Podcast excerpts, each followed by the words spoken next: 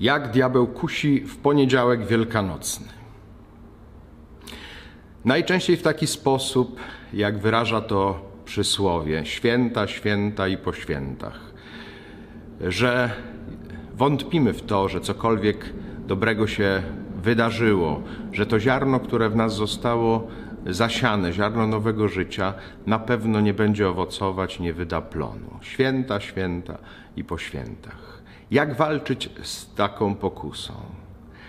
Warto choćby na chwilę się zatrzymać na dziękczynienie tego dnia, żeby podziękować, przypomnieć sobie te poszczególne dni, Wielki Czwartek, Wielki Piątek, Wielką Sobotę, Niedzielę Zmartwychwstania, co dobrego w tych dniach się wydarzyło. Choćby to było najmniejsze dobro, najmniejsze ziarenko, ono ma moc, jeśli jest od Boga, przynieść owoce.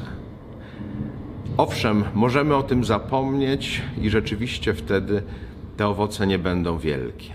Ale jeżeli nie pozwolimy sobie tych ziarenek dobra odebrać, jeżeli znajdziemy taką chwilę, by podziękować, by zauważyć na nowo to, co Pan Bóg sprawił w moim życiu, to ten dzień będzie dobrze wykorzystany.